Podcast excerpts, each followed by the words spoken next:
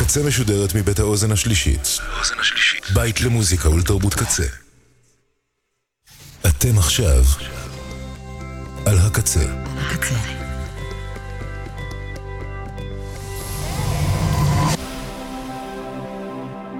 הקצה, הסאונד האלטרנטיבי של ישראל. הקצה.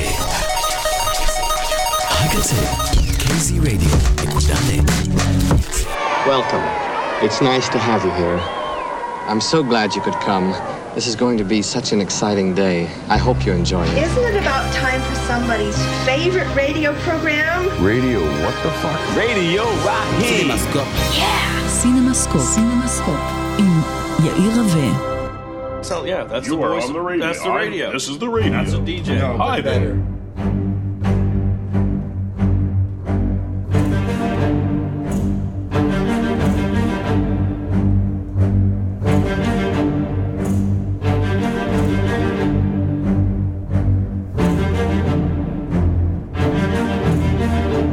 שלום לכם.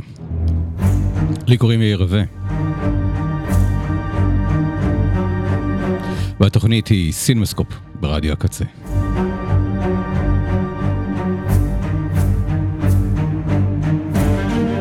היום תוכנית מספר 411, עשרה בטבת, עשרה בינואר 2024, כ"ט טבת תשפ"ד, מחר ראש חודש שבט, אם אני סופר נכון את הימים.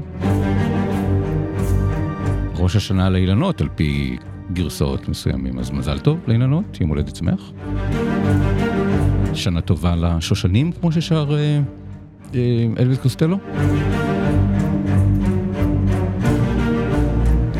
אני עדיין פה בתוכנית הקולנוע של רדיו הקצה, באמת מנסה בשעה שאני פה בחדר הזה מולכם, מול המיקרופון, להתנהג כאילו שהעולם לא מגיע לסיומו ב- ב- בחוץ והכל אסונות וקטסטרופות, וממש בתקווה שכשאתם שומעים את זה המצב הרבה יותר טוב, אה, בין אם זה מחר או כשתשמעו את ההקלטות בעוד חודש או מה שזה, אבל רק... אה, ניסיון לאחל ש... שהחדשות יהיו יותר טובות, אבל לפחות אולי שהסרטים בינתיים יהיו יותר אה, טובים. תודה לכל מי שעושה את סימסקו ברדיו הקצה, לבן אש, ליה שפגל, עומר סנש, יובל רוזין, מלכה פינקלשטיין, אורי זר אביב, לי בירן, מני- ארנון, ניצן נחומזון, אה, ברק דיקמן, אסף קפלן, נילי חנקין, אביעד ליבקין, עדי נוי. תודה לקוואמי, תודה לאוזן השלישית ותודה לכם שאתם מאזינים.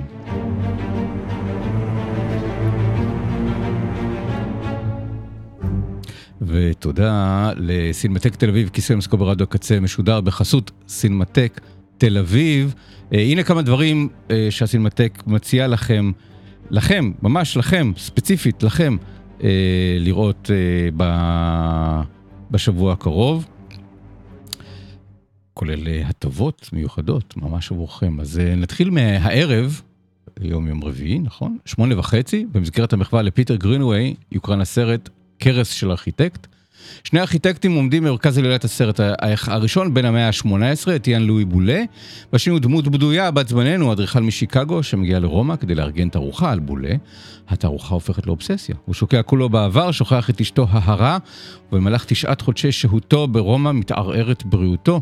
כמו ברוב סרטיו זורע גרינווי בסרטו אינספור סמלים שמתאחדים לכדי אמירה פוסט-מודרנית על גורל האומן. ואתם רוצים לראות את קרס של ארכיטקט? אז הנה, במ- במבצע, סוף עונה.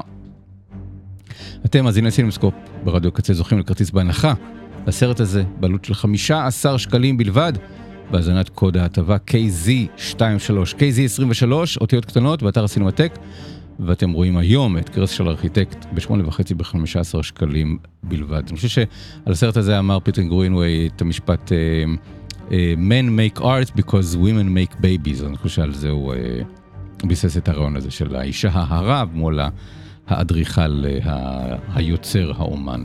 מחר בחמישי בשעה שבע יוקרן סרטו הראשון של בועז יכין במסגרת ציון 40 שנה לפסטיבל סנדנס, פרש.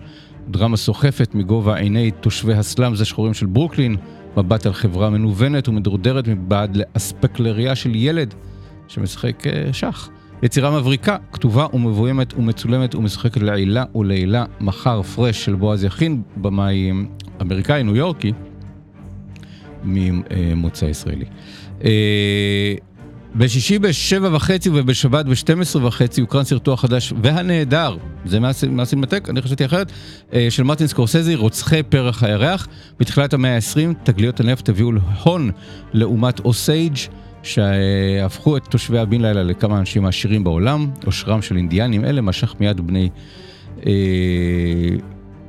מיד את הלבנים שתמרנו, סחטו וגנבו כמה שיותר כסף תוצרת אוסייג' לפני שפנו גם לרצח. אז אם אתם רוצים לראות את אה, פרח, אה, רוצחי פרח הירח על מסך גדול, אז בסינמטק אה, בשישי ובשבת על מסך גדול, אבל אני פה מוסיף לכם ידע לציבור. אם כבר ראיתם את הסרט, אתם רוצים לראות אותו שוב, אז מיום שישי הוא ב Apple TV Plus. זה הפקה של Apple TV Plus, הוא הופץ על ידי סוני נדמה לי, או פרמאונט. בעולם, אבל, אה, אבל סרט של Apple TV, ומיום שישי תראו אותו על ה... גם בסטרימינג. אבל אם אתם רוצים מסך גדול, ואני, תקשיבו, לא אהבתי את הסרט, אבל אני חושב שהוא שווה צפייה. זה, זה, זה הרעיון. פרטים נוספים על כל הסרטים האלה והכרטיסים להם, ועוד הרבה סרטים נוספים באתר של סינמטק תל אביב, cinema.co.il.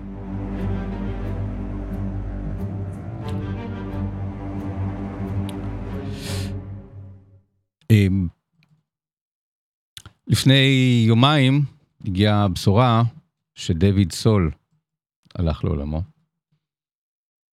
אמ, דויד סול היה האץ' בסטארסקי והאץ', ואני לא יכול לתאר לכם כמה הסדרה הזאת בשנו, בסוף שנות ה-70, באמצע שנות ה-70, סוף שנות ה-70, אפילו בתחילת שנות ה-80, כמה הייתה חשובה לחיים שלי כילד, אה, סטארסקי והאץ'. אה, מסביבי כולנו הערצנו את אה, סטארסקי, הוא היה ה cool מבין השניים. בדיעבד כולם אמרו, טוב, הוא היה יהודי, פול מייקל גלייזר, אז ברור שהתחברנו אליו. לא, אני לא חושב שידעתי את זה שהוא יהודי. לא יודע, אולי זה סתם מין משיכה אתנית כזאת, אבל, אבל גם האץ' היה בסיפור הזה, סטארסקי והאץ', ובאמת הייתה ביניהם כימיה אדירה. הסרטים, הסרטים של תחילת שנות ה-70, סרטי השוטרים וה... שוטרים נגד גנבים ומרדפי המכוניות, מאוד השפיע גם על הטלוויזיה האמריקאית באמצע שנות ה-70 עם The Streets of San Francisco, עם, עם מייקל דאגלס. צ'יפס אה, עם אריק אסטרדה על השוטרים על אה, אופנועים. וגם סטארסקי והאץ' סדרה של, אה, שבה שני שוטרים בלוס אנג'לס מטפלים בכל מיני פשעים קטנים ברחובות, אבל גם יש הרבה מרדפי מכוניות עם ה... מכונית הפורד האדומה שלהם, ש... שדהרה. זו הייתה פשוט סדרה נהדרת. אז דויד סול היה בן 80, והוא אה, הלך לעולמו. פול מייקל גלייזר, שהוא סטארסקי, הוא עדיין בחיים. שייבדל לחיים טובים וארוכים. אה, וזה גרם באמת להיזכר במשהו שקרה לפני הרבה מאוד שנים, לא חשבתי עליו מאז. אבל באותה תקופה הוא מאוד מקסם את ההצלחה שלו מסטארסקי והאץ'. וגם הוציא אלבום, אלבום עם שם נהדר, שאני מרבה לצטט את השם שלו, Playing to an Audience of One. אני חושב שהרבה מאוד סרטים ישראלים נוגנו והוצגו מול קהל של אדם אחד. אז אה, האלבום נקרא Playing for an Audience of One, מתוכו שיר שנקרא Silver Lady, שהיה במקום הראשון. דויד סול, דוד נשמה. לזכרו, בן 80 הלך לעולמו.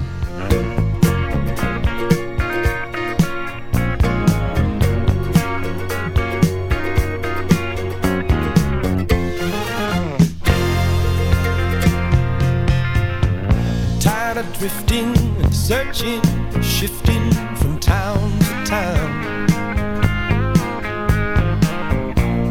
Every time I slip and slide a little further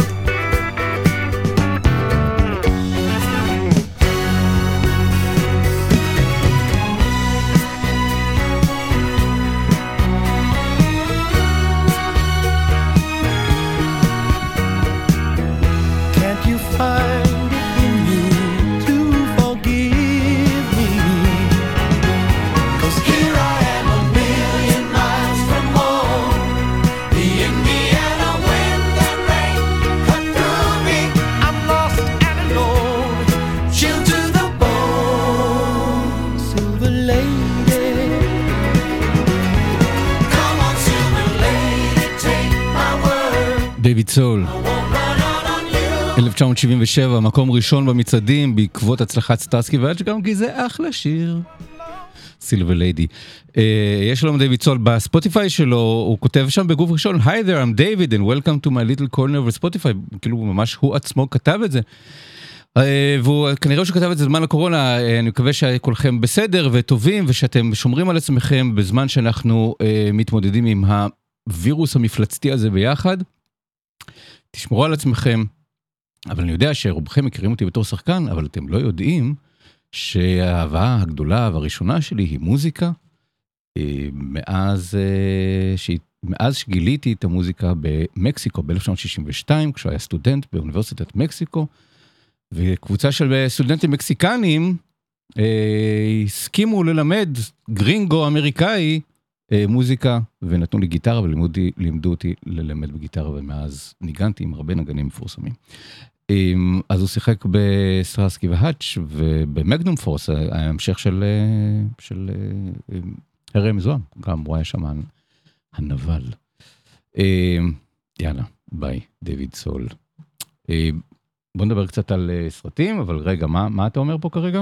סינמסקופ. סינמסקופ. עם יאיר רווה. So yeah, that's the voice. That's the radio. This is the radio. That's a DJ. Hi there. נכון. Yeah. אז תראו מה קורה עכשיו ב... בעולם הסרטים. ביום חמישי האחרון עלו בישראל בשני פורמטים שונים שני סרטים דוברי ספרדית. זה כבר בפני עצמו יוצא דופן. דרך אגב, בשבוע הבא יהיה עוד אחד, אבל זה, על זה נדבר בשבוע הבא. אמ, דוברי ספרדית. אחד מהם נקרא עבריינים, הוא מוצג בבתי הקולנוע, והוא נציג ארגנטינה.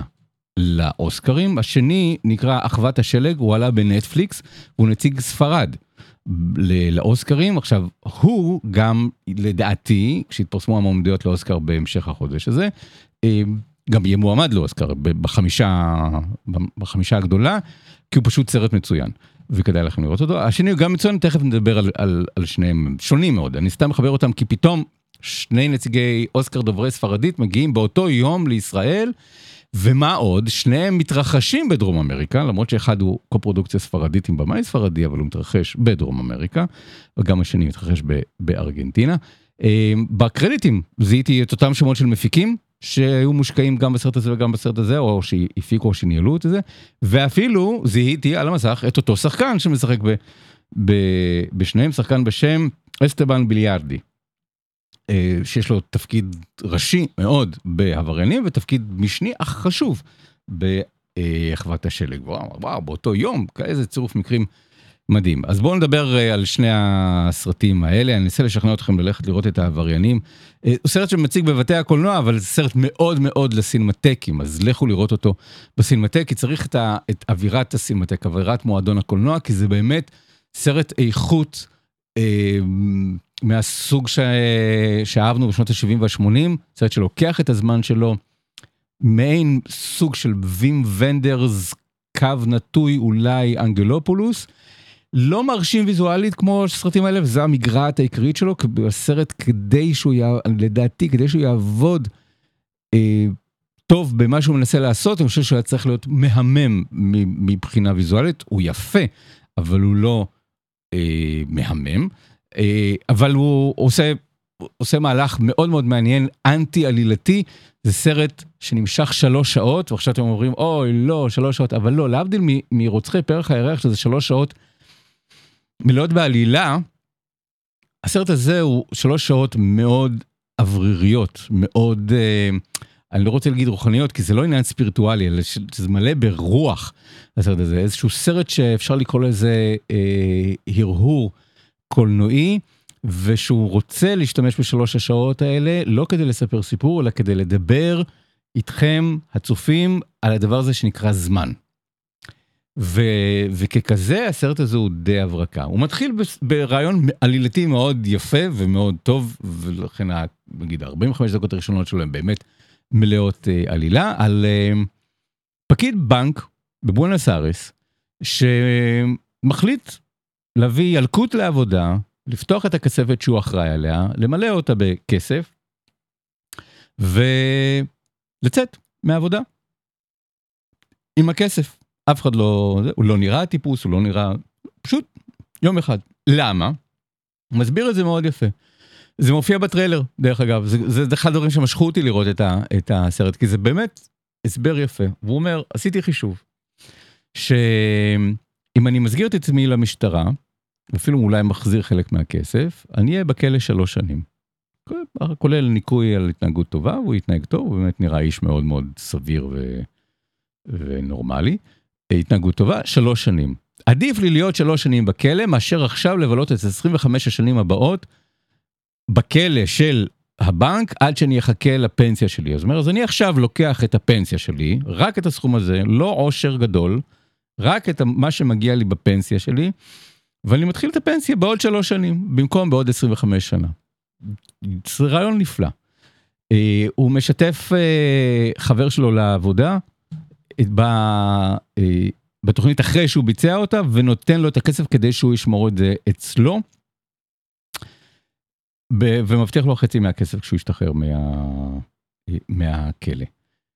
ופה הסרט כזה מתחיל להתפצל לשניים. מצד אחד השלוש שנים, עכשיו אנחנו חוב, כן, חווים ביחד בשלוש השעות האלה שלוש שנים. אחד, שלוש שנים בכלא של האיש, עם השאלה אם, האם הוא עשה את הבחירה הנכונה, האם הוא חשב על זה עד הסוף, שאלה א', ואת הצד של החבר שלו, שהסיפור הזה קצת נכפה עליו, ועם רגשות האשמה שהוא מחזיק כסף גנוב מהבנק, שגם הוא עובד בו, למרות שהוא לא עשה שום דבר בלתי חוקי, אבל רגשות האשמה יושבות עליו.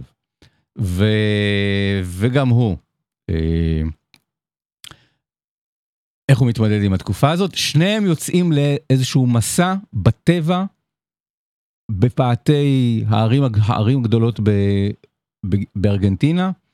עוברים שם איזושהי חוויה משנת חיים מבחינת החשיפה של אנשים אורבניים שכלואים כל היום בבנק עם הטבע, הפראיות, האנשים שיש שם. ופה הסרט מדבר בצורה מאוד יפה, גם על זמן, איך אנחנו מעבירים את הזמן, איך אנחנו במרכאות מבזבזים את הזמן, במה אנחנו משקיעים את הזמן שלנו, וגם על חופש. אמ, הוא גרם לי לחשוב על סרט שנקרא אה, חופש מוחלט, סרט גרמני אה, או אוסטרי מלפני כמה שנים, שגם הוא מתרחש כזה בכלא ומערכת יחסים בין אסירים. ו... והשאלה שנשאלה שם זה, איפה הכלא שלך? שכולנו חיים באיזשהו כלא, יש כאלה שבאמת נמצאים בכלא, אבל יש אנשים שנמצאים בחוץ ועדיין הם נמצאים בכלא. בכלא של החיים שלהם, בכלא של ה... לא יודע, של, של, המו, של מוסכמות ושל, ושל חוקים. אז קצת הסרט הזה ממשיך את הרעיון הזה של איפה, איפה אדם חופשי ואיפה אדם אה, כלוא, ו, ומה האדם צריך לעשות כדי להרגיש אה, אה, חופשי. חלק מהתובנות בנאליות, חלק מהתובנות קצת יותר מעניינות, ובעיקר המסע של שני האנשים האלה, המסע בזמן של שני האנשים האלה, וגם אחר כך המסע בטבע של שניהם, מין סרט שמתחיל מאוד עירוני כמו סרט שודים, אבל הולך והופך להיות למשהו שנראה קצת כמו מערבון עם הזמן, אנשים כזה שהולכים לגאול איזושהי שממה אה, בעולם הפרוע של, אה, של הטבע. ו, ואני אומר, למרות שזה שלוש שעות, ולמרות שלמשל מהשלוש שעות וחצי של רוצחי פרח הירח די סבלתי, בסרט הזה לא סבלתי, הרגשתי שה, שהזמן אה, מוצדק. ונדרש לסרט ומעביר אותי את, ה, את החוויה שה, אה, שהבמאי רוצה להעביר. עכשיו, ברור שיש פה איזשהו עניין שהוא קצת יותר אבסטרקטי ממה שאני, שאני מספר. אני אתן דוגמה, לשני הגיבורים הראשיים קוראים, לאחד קוראים רמון, לשני קוראים מורן. ב, באותיות לטיניות זה אותן אותיות בדיוק בסדר אחר. ואז הם פוגשים שתי נשים, שלאחת קוראים נורמה, לשני, שניה קוראים מורנה. שוב, אותם אותיות בסדר אחר, ולבמאי קוראים רודריגו מורנו. אז עכשיו, ברור שיש פה איזשהי עניין, זה לא מוסבר עד הסוף בסרט, אה, אבל אולי זה מסוג הדברים ש, שמבקש מאיתנו צופים לדרוש בסרט, כאילו איזשהו סוג של פעולת דרשנית, נתחו אותי ו, ותחשבו עליי.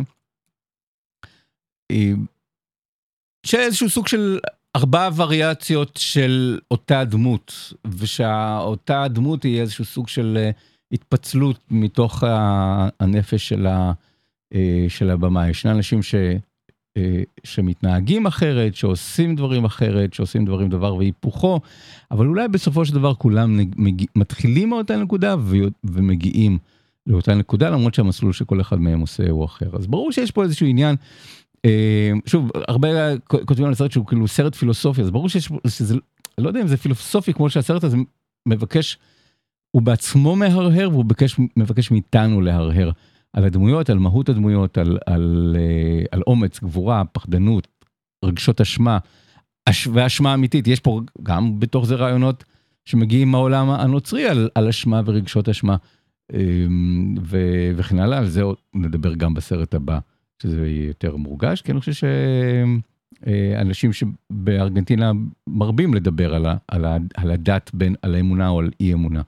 אה, בדת גם זה מופיע, אה, גם זה מופיע בסרט. אה, עוד סרט שהוא קצת הזכיר לי אותו על הנושא הזה של מסע עירוני, שיטוט עירוני שהופך להיות לשיטוט בטבע, סרט קולומביאני, שנקרא ממוריה, של הבמאי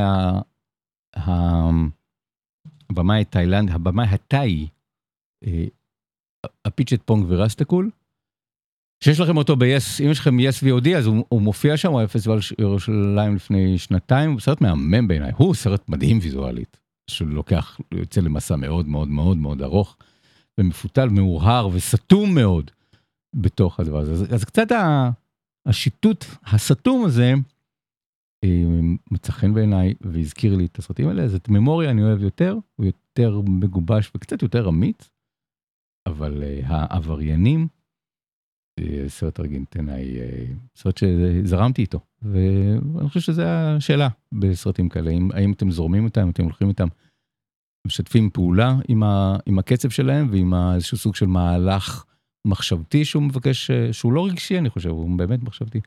שהסרט מבקש מכם ללכת אליו, ואני הלכתי. העבריינים בסינמטק ובעוד בתי קולנוע, אבל אה, סרט שמאוד מאוד מתאים לצפייה אה, בסינמטק. הסרט השני, אחוות השלג, הוא סיפור אחר, זה סרט של שעתיים וחצי ופה שעתיים וחצי מוצדקות בפני עצמם כי זה מלא מלא עלילה, סיפור גדוש באירועים ובדמויות שצריך כל דקה ממה ש... שיש לו, ופה גם אתם לא מרגישים את הזמן עובר, כי זה ממש אה, מלא פעילות ומתח והתרחשות ו... ודמויות, אה, סרט חונק, עוצר נשימה, מרשים מאוד, של במאי שכבר שמתי לב שהוא טוב, אבל עכשיו אני חייב להגיד שהוא ממש טוב, קוראים לו חואן אנטוניו ביונה, או ג'יי איי ביונה. אה, מישהו שכזה נודד כבר כמה שנים בין, בין ספרד ובין הוליווד. בספרד הוא עשה את uh, The Orphanage, בית יתומים. ו... ואז הפקה בריטית בינלאומית שנקראת Impossible, הבלתי אפשרי, שהדהימה אותי על, ה... על הצונאמי ב... באזור האוקיינוס ההודי. עם יון מגרגור אני חושב שהיה שם. זה היה סרט, סרט אסונות מדהים, וכנראה שהוא נמשך לאסונות. אחרי זה הוא גויס לעשות את אה, עולם היורה 2. נפילה, אבל שוב, זה לא באשמתו, רואים, כי כל סרטי עולם היורה הם לא מבושלים כזה טוב עד הסוף, לאו דווקא באשמת הבמאים שלהם. והנה פה אה, הוא עושה עבור נטפליקס, ובאמת איזושהי קו-פרודוקציה טרנס איברית, של, כל מדינות דוברות הספרדית כנראה בעולם התגייסו לזה, לקחו במאי ספרדי, אבל העלילה היא, מאוד מאוד דרום אמריקאית, ואת הסיפור יכול להיות שאתם מכירים, כי א', סיפור מפורסם, וב', סיפור שכבר סופר בעבר בקולנוע. הסיפור קרה ב-1972, כשקבוצת רוגבי, בת 40 משתתפים של אה, שחקנים ו... ומלווים וחברים ובני משפחה עלו על מטוס פרופלורים מאורוגוואי לכיוון צ'ילה למשחק אה, ש... טורניר שיש להם. בצ'ילה. ובהרי האנדים הם אה, מתרסקים על פסגת אה, הר באיזשהו סוג של פס בין, בין הרים. חלק נהרגים באופן מיידי, חלק קופאים למוות ומתים מפצעיהם מהר, כל השאר מנסים לשרוד את הימים הבאים כשמבינים גם יש להם טרנזיסטור שקולט. הם מבינים שהם מפסיקים לחפש אחריהם והם פשוט צריכים לשרוד את המקום הזה ואז זה הופך לסרט הישרדות מי מבין האנשים האלה שאנחנו רואים הדמויות האלה שאנחנו נתחיל להכיר אותם בזו אחר זו מי מהם ישרוד את, ה, את הדבר הזה. סיפור אמיתי אה, שהרבה פעמים מתחילים מהסוף. אה, מצאו את, ה, את שבר המטוס ואת, ה, ואת האנשים שם ואת ה... את כל מה שקורה שם, לא אסגיר מי מת מי לא, אה, מוצאים אותם 70 יום, 71 יום אחרי ההתרסקות. אז האם מישהו הצליח לשרוד 70 יום? עכשיו אם זה מוכר לכם זה כי היה לפני 30 שנה ב-1993 סרט שנקרא Alive, לחיות בעברית, סרט אמריקאי דובר אנגלית עם אית'ן הוק בתפקיד הראשי, אה, של פרנק מרשל. פרנק מרשל אנחנו מכירים אותו בתור מי שהיה המפיק הקבוע של, יחד עם, עם קטלין קנדי שהייתה אשתו בעבר, אה, הם היו המפיקים הקבועים של סרטי אה, אה, ספילברג, וגם המנהלים של אמבלין, החברת ההפקות של, של ספילברג. וזה כבר מעניין, הצירוף מקרים הקטן הזה, שפרנק מרשל היה המפיק של פארק היורה, וכבמאי הוא לא ביים הרבה דברים בכלל. זה אחד הדברים שהוא, אני חושב שזה סרט ראשון שלו כבמאי. כנראה מאוד משך אותו הסיפור הזה. אה, אז המפיק של פארק היורה ביים סרט על הניצולים של, אה, על אה, התרסקות המטוס באנדים, ועכשיו הבמאי של עולם היורה 2 מביים אותו סיפור, אבל הפעם מחזיר את זה למקור הדרום אמריקאי שלו, סרט דובר ספרדית, עם שחקנים אה, מאזור הזה של אורוגוואי, צ'ילה, ארגנטינה. אה, ועם במאי פשוט טוב. כי למרות שאנחנו יודעים את הסיפור, מכירים את הסיפור, ראינו את הסרט, קראנו אולי כתבות ש... שהזכירו את זה. אה, יש משהו מרתק וסוחף גם מבחינה טכנית בסרט וגם מבחינת האופן שבו אנחנו מצליחים להכיר ולהתוודע לדמויות ולקוות לטובתם. אז יש פה גם תסריט מעניין, אבל זה גם מבוצע בצורה מאוד מעניינת. אני חושב שהסרט הוא, הוא בשורטליסט גם לא, לאוסקר לאפקטים. לא מיד קולטים את כמות האפקטים שיש שם, אבל אני חושב שזה סרט שמפוצץ באפקטים, והוא פשוט באמת מבחינה טכנית, מבחינה קולנועית, הסרט הזה מרתק, בחירות מאוד יפות יש לבמאי הזה איך לספר את הסיפור ואת האנרגיה שבה הוא מספר את, ה, את הסיפור הזה. זה סוחף ומרתק ולא משעמם לרגע, ו, וקצת מגעיל, אבל uh, בסופו של דבר גם סרט uh, שעוסק בהישרדות. הסיבה, אחת הסיבות שהסיפור הזה התפרסם בעולם הוא כי אלה ששרדו קיבלו החלטה שכדי לחיות ולא רק לקפוא, לא רק למצוא דרך שבה הם לא קופאים מקור על פסגת האנדים בחורף, סיפור שמתרחש, מתחיל בנובמבר ונגמר בינואר, משהו כזה, או אוקטובר ונגמר בינואר. ולא רק uh, לקפוא מקור, אלא איך לא לרעוב, למות מרעב, ואז ההחלטה שלהם לאכול את, ה, את עמיתיהם לקבוצה שנהרגו ב, בהתרסקות. זה החלק המפורסם. יש איזשהו אתוס שלם של, של הקולנוע ושל הפולקלור העולמי על אנשים שנתקעו בסופת שלגים ושרדו מאכילת uh, הגופות של, uh, של אנשים ש, שמתו לצידם במשלחת הזאת. Uh, היה את הסרט רבנס, שהמוזיקה שלו פתחה במשך שנה את התוכנית הזאת אי שם בעבר. שמספר סיפור בהשראת מה שנקרא משלחת דונר, The Donor Party. לאנשים שיצאו בימי בעלת הזהב לכיוון, קלי, לכיוון קליפורניה לחפש זהב, נתקעו בסופת שלגים וכמעט קפאו למוות, ו, ואלה שנתקעו עד שהפשירו, הפשרת השלגים, עד שהם הפשירו, אה, שרדו מזה שהם אכלו את אה, חבריהם לעם. שמתו, כן, לא הרגו אותם, שמתו, שקפאו למוות. אז יש את, אה, זה, זה איזשהו סוג של נרטיב שחוזר על עצמו על מה אתה מוכן לעשות כדי לחיות, כדי להישאר בחיים. והאם, והאם זה דבר מוסרי או לא מוסרי. עכשיו, לתוך הסיפור הזה, יש, את ה, יש פה עניין שלם שקשור ל, לדת. עכשיו שוב, זה דרום אמריקה, זה מקום מאוד קתולי, מאוד דתי. הסרט, אחת הסצנות הראשונות של הסרט מתרחשת בכנסייה, כלומר, אחת הדמויות מזמינה דמות אחרת להצטרף אליה למסע, ושתי דמויות משמעותיות שאנחנו נלווה אותן עד סוף הסרט, אה, קוראות לו למסע בכנסייה. יש אנשים מיסה וכל זה, אז אנחנו מבינים שיש פה עניין שלם שקשור ב, בדת ואמונה, ובאמת יש גם שאלות, דיונים תיאולוגיים שה... שהדמויות עצמם מדברות עליהם על uh, מי מאמין באלוהים ומי לא מאמין באלוהים, מי מתפלל לישו, מי לא מתפלל לישו, מי חושב שכל העניין של דת הוא קשקוש, מי חושב שכל העניין של דת הוא, הוא דבר רציני. אז, אז חלק, מה, חלק מהדיבור הוא האם זה מותר uh, מבחינה דתית, מוסרית, uh, אתית. Uh, פה אני יכול להגיד לכם שלדעתי לא בדקתי בספרי הלכה יהודים, אני לא חושב שביהדות זה מותר. כי אה, פיקוח נפש, כן? דוחה, דוחה הכל, לא? זה לא עולה לדיון ב, בסרט, אבל יש את השאלה הזאת, האם מותר לנו לעשות את הדבר הזה.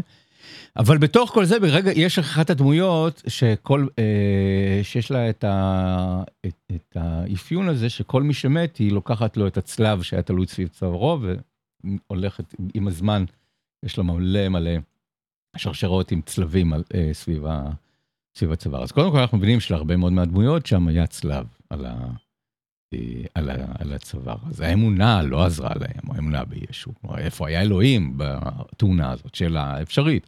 או האם, אה, ובתוך הסיפור הזה, בגלל יש את העניין הזה, א', של רגשות אשמה, שזה משהו שהוא, שאני מכיר מהסרטים שעליו מדברים לא מעט ב, אצל ה, בנצרות. אבל גם הנושא של הקורבן. לחיות חיים של ייסורים, כלומר אלה שמאמינים ו... ומקבלים את המוות ב... בברכה ומרגישים שקצת כמו ישו, הייסורים שלהם והמוות שלהם והגאולה שלהם באמצעות המוות תביא איזשהו סוג של גאולה לעולם. אז יש פה גם, בתוך המגוון של הדמויות שאנחנו פוגשים מולנו, אז יש גם את העניין הזה של, אה, זה האקט הדתי הנכון לעשות, השה לעולה. שאפשר אה, אה, להקריב כדי אה, להציל את, העולם, ואולי מגיע לנו, גם זה, איזשהו משהו שעולה מדי פעם בסרט, אולי כל מה שקורה זה משהו שמגיע לנו. אז, אה, אז יש פה עניין של הישרדות, של, של כוח האדם, של רוח האדם, נפש האדם, הכוח, הכוח הפיזי וגם הרוח המנטלית, וגם הרוח אולי האמונית, אה, וההשתדלויות שאנשים עושים.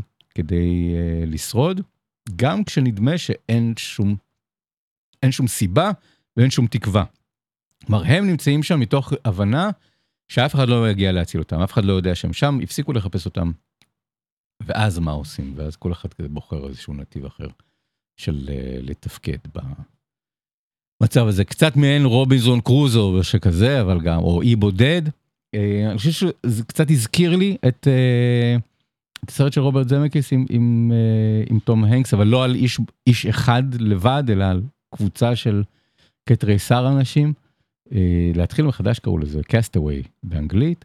אה, בעיקר כי אני חושב שמבחינה טכנית יש דמיון בין הסרטים, אני לא חושב שהסרט הזה צולם באמת בהרי האנדים. אז כל הזמן אני קורא שאומרים איזה נוף מרשים יש שם. לא בדקתי איפה הוא צולם, אבל אני לא חושב שהוא צולם בהרי האנדים, אני לא חושב שהנוף המדהים הזה הוא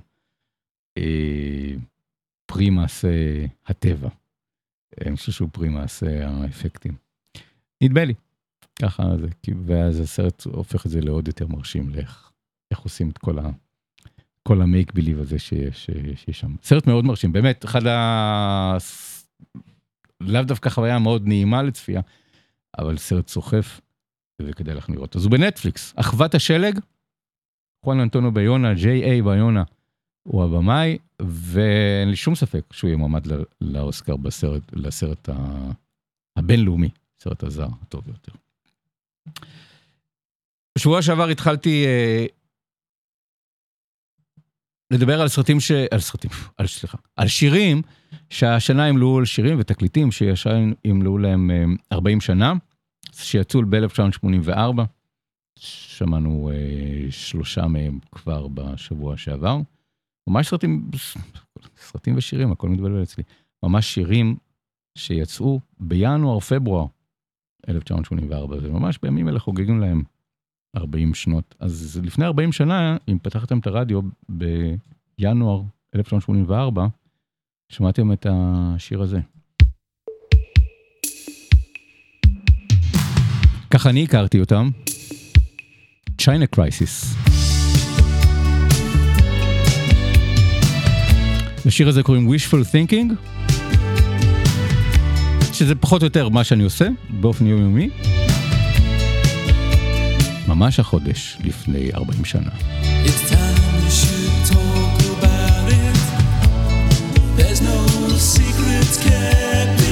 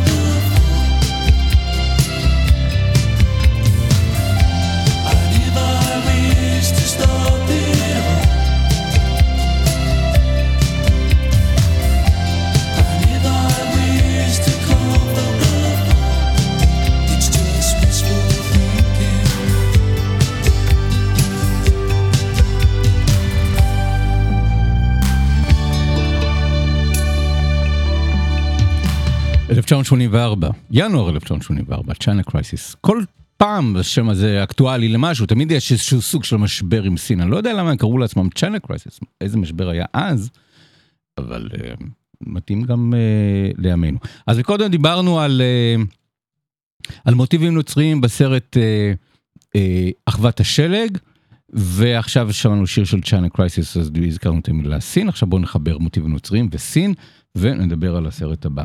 אה, שנקרא Silent Night, לילה שקט, אה, של הבמאי הסיני, ג'ון וו, הבמאי הסיני הנוצרי, ג'ון וו, וזה חשוב לזכור את הדברים האלה כשרואים את הסרטים של ג'ון וו, כי הוא, אה, למרות שהוא סיני, הוא מאוד מאוד נוצרי, המשפחה שלו נרדפה על זה, ברחה מסין להונג קונג, כשהוא היה ילד סביב המלחמה הסינית, של, בימי מלחמת האזרחים הסינית, נגד הבורגנות, והבורגנות הנוצרית, והמוטיבים נוצרים מאוד מאוד נוכחים בסרטים שלו, למשל בסרט הזה. אז קודם כל, נתחיל מה, מהכותרת, לג'ון וו יש סרט חדש, הוא סרט אמריקאי חדש, הוא סרט בינלאומי חדש, אחרי קרוב ל-20 שנה שהוא עושה רק סרטים בסין.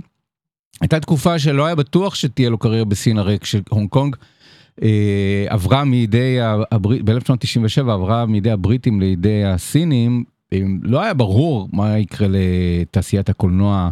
ההונג קונגית המאוד מאוד מפוארת ש, שהייתה שם, שבאמת הלכה לגמרי, וג'ון וו בחוכמתו עזב את הונג קונג כמה שנים לפני זה, והתחיל קריירה מאוד יפה ב- באמריקה עם אה, ז'אן קלוד ואן דאם, ועם ג'ון טרבולטה, וניקולס קייג' ו Face/Off, כן, עימות חזיתי. לא כל הסרטים שם היו טובים, לא טובים כמו הסרטים שהוא עשה בשנות ה-80 בהונג קונג, אבל חלקם היו מאוד יפים. אבל אז, כן, אה, היה רגע שבו הייתה, היה איזשהו רנסאנס סיני, וג'ון וו התקבל כגיבור. עשה כמה סרטים סינים מאוד גדולים, אבל זה פחות או יותר רגע שבו הפסקנו לשמוע עליו. כי הסרטים הסינים של 20 השנים האחרונות אה, כבר הפסיקו להגיע ל, אה, לישראל ולמערב, והפכו לשוברי קופות בעיקר ב, בסין. כלומר, זה הסרט הראשון שמגיע לישראל, שכתוב עליו ג'ון וו, ב-20 השנים האחרונות. היום הוא, בין, היום הוא בן 77, כלומר הסרט האחרון שהיה לו, היה פה Paycheck עם אה, בן אפלק, אני זוכר, הוא היה כשהוא היה בן 57. ומה שקרה, וזה ככה יסביר לנו את מה שקורה פה בסרט החדש Silent Night, לילה שקט, זה שב-20 השנים האחרונות חקייני ג'ון וו פרחו ועלו והשתכללו, וג'ון וו נשאר מאחור. והיום חיקויי ג'ון וו טובים מג'ון וו העכשווי, וזה בעצם השורה התחתונה של לילה שקט. מי הם חקייני ג'ון וו? בראשם שניים, צ'ד סטסקי אה, ו... ודייוויד ליץ', הבמאים של, אה, של סרטי ג'ון וויק. הם ממש ממש אה, מושפעים מקולנוע הסיני בכלל ומסרטי ג'ון וו והסלו מושנים והיונים המתעופפות ואיזשהו סוג של מבט cool. אלה האנשים ש... אה, שלמדו את, אה, את הסרטים שלו עם צ'או יון פאט בשנות ה-80 וחיקו אותם אה, בהצלחה כזו, בהצלחה אחרת. ועכשיו שמגיע ה Silent Night, קצת נדמה שהאנשים שמפיקים את הסרט, קודם כל זה אותו אולפן, זה ליונס גייט, אולפן של ג'ון וויק, עושה את, ה, את, את הסרטים, את הסרט הזה, ורוצים לעשות איזשהו סוג של משהו בסגנון ג'ון וויק, אז פונים למקור, וזה לא עובד. וזה טרגי, זה, זה עצוב נורא לראות סרט שלא עובד. עכשיו, אני חושב שג'ון וו עושה כמיטב יכולתו. יש עוד מישהו שם שצריך להזכיר אותו, אה, שרון מאיר, הצלם, שרון מאיר, צלם ישראלי, בוגר סם שפיגל בישראל, צילם למשל את וויפלאש של דמיאן שזל, אה, ועוד כמה סרטים אמריקאים עצמאיים שהוא חתום עליהם, אז הוא הצלם בסרט הזה. אז קודם כל, כל הכבוד שרון מאיר שעובד עם ג'ון וו, זה מאוד מאוד מסקרן אותי לשמוע איך זה היה. אמ, הבעיה אם הסרט מתחילה קודם כל באופן אישי זה שכשאני רואה שבסרט משחק ג'ון קינמן ואני לא חושב שיש, שיש עוד שחקן אקשן בן דורנו בן זמננו שיותר מרתיע אותי לראות סרט שלו מאשר ג'ון קינמן אני לא אוהב שום דבר שהוא עושה אני לא אוהב את הפרסונה שלו אני לא אוהב את המשחק שלו אני לא אוהב את הנוכחות שלו על המסך. אני לא אוהב שום דבר. יש שחקני אקשן שאתה מחבב, נגיד ברוס וויליס היה כזה, תום קרוז היה כזה, צ'או יון פאט כמובן היה כזה בהונג קונג. אמ, אפילו קיאנו ריבס כזה, אבל ג'ואל, ג'ואל, אמרתי ג'ון מקודם, נכון? ג'ואל קינמן, אמ, לא, לא רק שהוא לא מזיז לי, הוא מרתיע אותי, לא, לא, הדמות שלו לא נעימה לי. באמת מעין איזשהו סוג של שחקן אה, אקשן משנות ה-80 עם, עם מבע אחד, עם, אה, עם חוסר יכולת לתקשר איזשהו סוג של אה, רגש או אה, אנושיות. אבל, אבל הוא כולו פיזיות, לכן, לכן הוא כאילו רלוונטי לתפקיד הזה.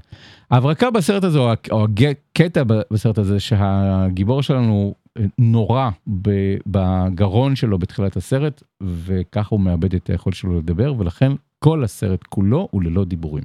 יפה. קחו אותי לסרט שנקרא לילה, ש... לילה שקט, והסיבה שהוא שקט זה כי הגיבור לא יכול לדבר ואף אחד לא מדבר סביבו, וסרט, למעשה סרט אילם. אחלה.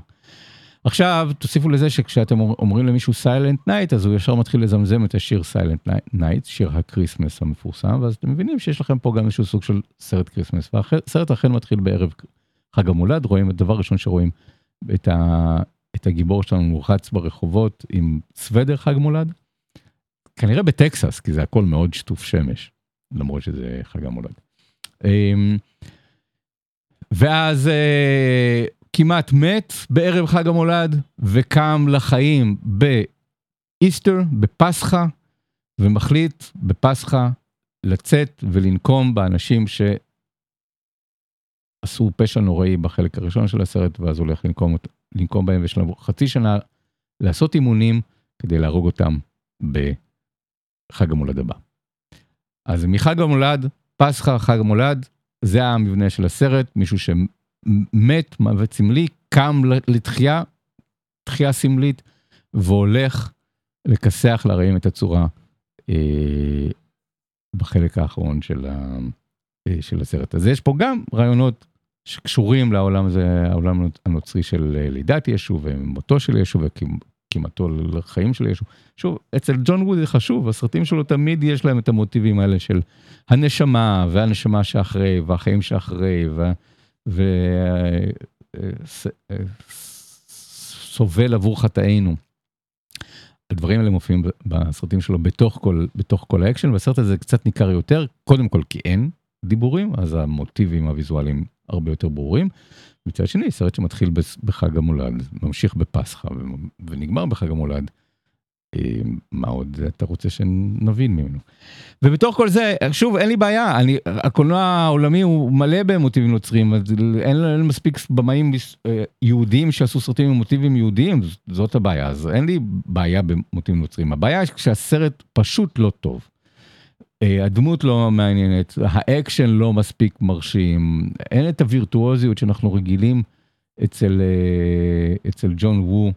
אה, שהייתה בנעוריו של, אה, של ג'ון וו הווירטואוזיות הקולנועית, איזשהו סוג של המצאה, איזשהו סוג של פירוטכניקה, איזשהו סוג של בלט.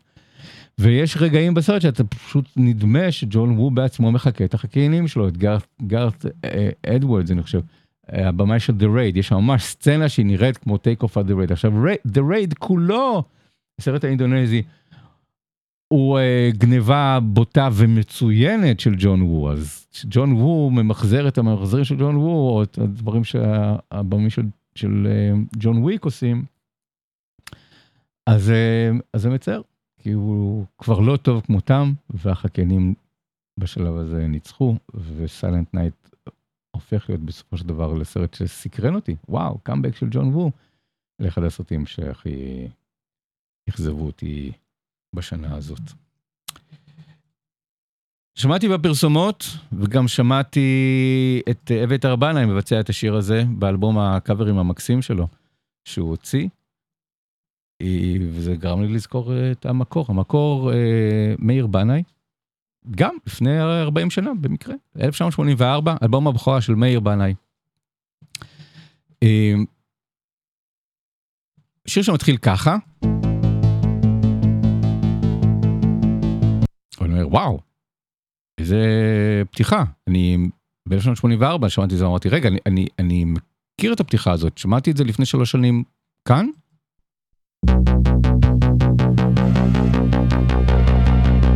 השיר של קים ויילד, Kids in America, או יכול להיות ששמעתי את זה שנה אחר כך כאן? בשיר של פיטר שילינג Major Tom Coming Home? או שפשוט ברגע שהיה את האפשרות בסינתסייזרים לעשות את הלייזרים האלה, כולם רצו לעשות את זה, כולל אריק רודיך שניגן בסינתסייזרים באלבום של מאיר בנאי? בכל מקרה, אני מת על האלבום הזה, ממש אוהב אותו, ומת על השיר הזה. מחפש את הכיוון, הגרסה המקורית של מאיר בנאי לפני 40 שנה.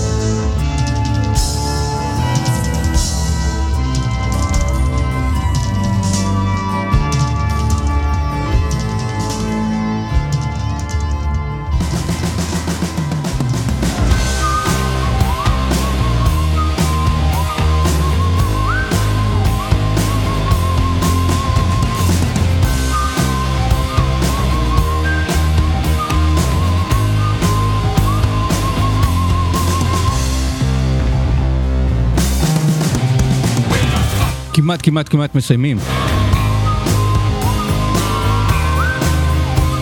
כמה מילים על גלובוס הזהב שחולקו בלילה שבין ראשון לשני השבוע. נקודה א', אה, אנחנו לא יודעים, אנחנו אלה, כלום מסקרי האוסקרים וחזאי האוסקרים ונביאי האוסקרים שמשתמשים בכל הפרסים המקדימים כדי לנסות להבין מי במרוץ, מי מוביל, מי לא. אה, אנחנו לא כל כך יודעים לעשות, אה, מה לעשות עם גלובוס הזהב, אבל אני אומר את זה גם בתור מי שבשנה שעברה היה מבין, מבין מצביעי גלובוס הזהב. האם זה עדיין פרס שמנבא את האוסקרים, או שזה פשוט הפך לעוד פרס של מבקרי קולנוע של סוף שנת uh, הקולנוע, שאין לו שום קשר באמת, לא באמת חוזה את מה שיקרה. למשל, מבקרי הקולנוע של ניו יורק בחרו ברוצחי פרח הירח של מרטין סקורסזה בתור סרט השנה, בטוח שהוא יהיה מועמד לאוסקר. לדעתי גם בטוח שהוא לא יזכה באוסקר, כלומר, אנחנו יודעים שמבקרי הקולנוע של ניו יורק או של לוס אנג'לס יכולים לצמצם לנו את רשימת הסרטים של איזה סרטים בולטים יהיו בתחרות, איזה סרטים המצביעים ישימו לב אליהם, אבל הם לא אומרים לנו איזה סרט יזכה. לעומת זאת, בגלובוס הזהב, הרבה שנים הייתה תחושה שכן, שאחד מהסרטים הזוכים, או בפרס הסרט הדרמה, או בפרס הקומדיה, אה, אה, יזכה בסופו של דבר באוסקר, יש לו יותר סיכויים. בשנים האחרונות זה כבר לא נכון, מכל מיני סיבות, גם גלובוס הזהב המעמד שלו מאוד דעך סביב כל השערוריות שהיו שם. הדבר הזה פורק אה, בשנה האחרונה, אחרי הטקס הקודם, ה-Hollywood Foreign Press Association פורקה, הגוף הזה לא קיים יותר, והוקמה חברה מסחרית שנקראת גלובוס הזהב, הם מנהלים את הטקס, הם חלק מתאגיד פנסקי מדיה, אה, תאגיד תקשורת שבבעלותו בין השאר ה-Variety וה-Hollywood Reporter ובילבורד ו-D Clark Productions, והם הבעלים של, אה, של גלובוס הזהב, והם מנהלים את, את התחרונות, זו חברה למען רווח, ולא ללא מטרת רווח, והם גייסו 300 מבקרי קולנוע ברחבי העולם, כולל בישראל, שמצביעים עבור הסרטים. מי שזכה ב... ב אה, השבוע זה אופנהיימר בפרס הדרמה ופול תינגס, מסכנים כאלה בפרס הקומדיה. כולם אמרו על ברבי, אה, אבל פול תינגס זכה, שזה הגיוני, כי אלה מבקרי קולנוע. אני לא, לא הייתי בוחר בפול תינגס, לא הייתי בוחר אבל גם בברבי, הייתי בוחר בנשארים בחג, ב-The Holdovers. ואני חושב שמהבחינה הזאת כן אפשר להשתמש בהם כאיזשהו סוג של uh, מנבאי אוסקרים, מהבחינה הזאת שאם מישהו חשב שלברבי יש איזשהו סיכוי לזכות באוסקר לסרט הטוב ביותר, ושמעתי כאלה שחושבים את זה, הם אנשים רציניים, לא סתם ממעריצי הסרט. אז חייתם באשליות, אני לא יודע מה חשבתם על עצמכם שיש סיכוי שהסרט הזה יזכרו. אביר וחשוב מסרטי השנה מבחינת הקופות וגם מבחינה תרבותית. אבל uh, לא באמת, uh, ש... אף אחד לא באמת חשב שיש לו סיכוי לזכות באוסקר. אז כרגע המרוץ הוא בין פול uh, תינגס, מסכנים שאלה, שכאלה עם, עם אמה סטון, ובין אופנהיימר, שהוא המועמד המוביל מבחינתי, והסרט הפבוריטי עליי. יש עדיין סיכוי להפתעות מזה, אבל אני חושב שהמרוץ לאוסקר הוא יהיה בין שני, שני הסרטים האלה. על אופנהיימר כבר דיברנו בהרחבה. Poor Things יעלה בארץ ב-25 בינואר, אנחנו נדבר עליו פה בדיוק בעוד שבועיים. מהיום מאוד בהרחבה.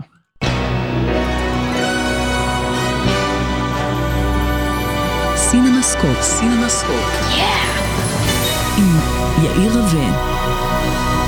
So yeah, that's the world. radio. This is the radio. That's a DJ. Hi. It's a radio for speaking to God. A radio signal from another world.